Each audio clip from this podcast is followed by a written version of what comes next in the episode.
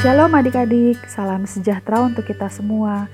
Saatnya bersama kembali kita mendengarkan dan merenungkan firman Tuhan. Kalian sudah siap? Kalau sudah, kita akan berdoa terlebih dahulu ya. Mari kita berdoa. Bapa kami yang di surga, kami bersyukur untuk hari ini Tuhan. Terima kasih karena kami dapat bersama kembali mendengarkan dan merenungkan firman-Mu. Kami mau duduk dia mendengarkan dengan baik, dan biar roh kudus menolong kami dan memimpin kami untuk melakukannya dalam hidup kami hari lepas hari. Hanya di dalam nama Tuhan Yesus kami berdoa. Amin. Firman Tuhan hari ini kita akan dengarkan dari Yesaya 6 ayat 6 sampai 8. Yesaya 6 ayat 6 sampai 8 beginilah firman Tuhan. Tetapi seorang daripada serafim itu terbang mendapatkan aku. Di tangannya ada bara yang diambilnya dengan sepit dari atas mesbah ia menyentuhkannya kepada mulutku serta berkata, Lihat, ini telah menyentuh bibirmu, maka kesalahanmu telah dihapus dan dosamu telah diampuni.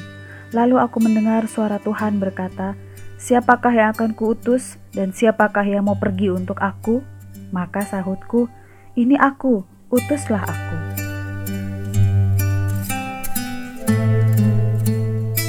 Dalam sebuah kebaktian, di Prairie Bible Institute tahun 1955, Don Richardson, seorang pemuda yang saat itu masih berusia 20 tahun, menjawab panggilan Tuhan untuk terlibat dalam pelayanan misi ke luar negeri. Panggilan yang penuh kepastian untuk melayani suku-suku Pangayuan atau pemburu kepala manusia di Nederland, New Guinea. Sekarang namanya Irian Jaya, di mana kekejaman merupakan cara hidup suku-suku tersebut. Tahun 1962, Don dan istrinya berlayar menuju Irian Jaya, di mana mereka bergabung dengan pelayanan misionaris RBMU sampai mereka ditugaskan untuk melayani suku yang ditunjuk, yaitu suku Sawi, salah satu suku yang memiliki budaya yang merupakan gabungan antara kanibalisme dan pangayuan. Sangat berbahaya. Tidak hanya penduduknya yang menakutkan, namun, wilayah yang didiami suku Sawi juga merupakan tempat yang menakutkan, sebagai tempat tinggal bagi istri dan anaknya yang masih berusia tujuh bulan. Namun, Don Richardson tidak pernah meragukan panggilannya. Don juga belajar bahasa suku Sawi 8-10 jam setiap hari agar dapat berbicara dengan baik kepada suku Sawi.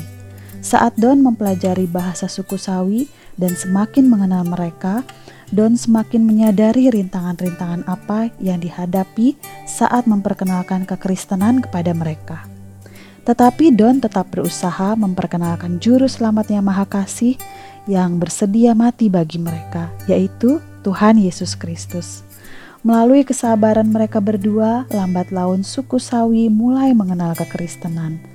Don dengan bantuan Carol istrinya mulai menerjemahkan perjanjian baru dan mengajar suku Sawi untuk membaca. Adik-adik, Don Richardson, seorang misioneri, menjawab panggilan Tuhan dalam hidupnya. Apakah adik-adik juga mau mendengarkan panggilan Tuhan? Hal-hal apa saja yang dapat adik-adik lakukan ya? Bisa dengan hal-hal sederhana, seperti memberi pertolongan atau teladan bagi teman-teman adik-adik, sehingga mereka mengerti mereka tahu bahwa adik-adik adalah murid Tuhan Yesus. Apalagi yang bisa kalian lakukan adik-adik? Kalian bisa sebutkan ya. Selamat menjadi saksi Kristus adik-adik. Mari kita beritakan firman dan lakukan yang baik dan benar setiap hari agar semakin banyak orang yang mengenal dan mau mengikut Yesus. Kita mau sama-sama berkata, "Jadikan aku saksi kecilmu yang setia." Jadikan aku saksi kecilmu yang setia. Mari kita berdoa. Bapa Sorgawi, utuslah kami untuk menjadi saksi Kristus yang baik di tengah keluarga dan masyarakat di sekitar kami. Terima kasih Bapa, hanya di dalam nama Tuhan Yesus kami berdoa. Amin. Tuhan Yesus memberkati.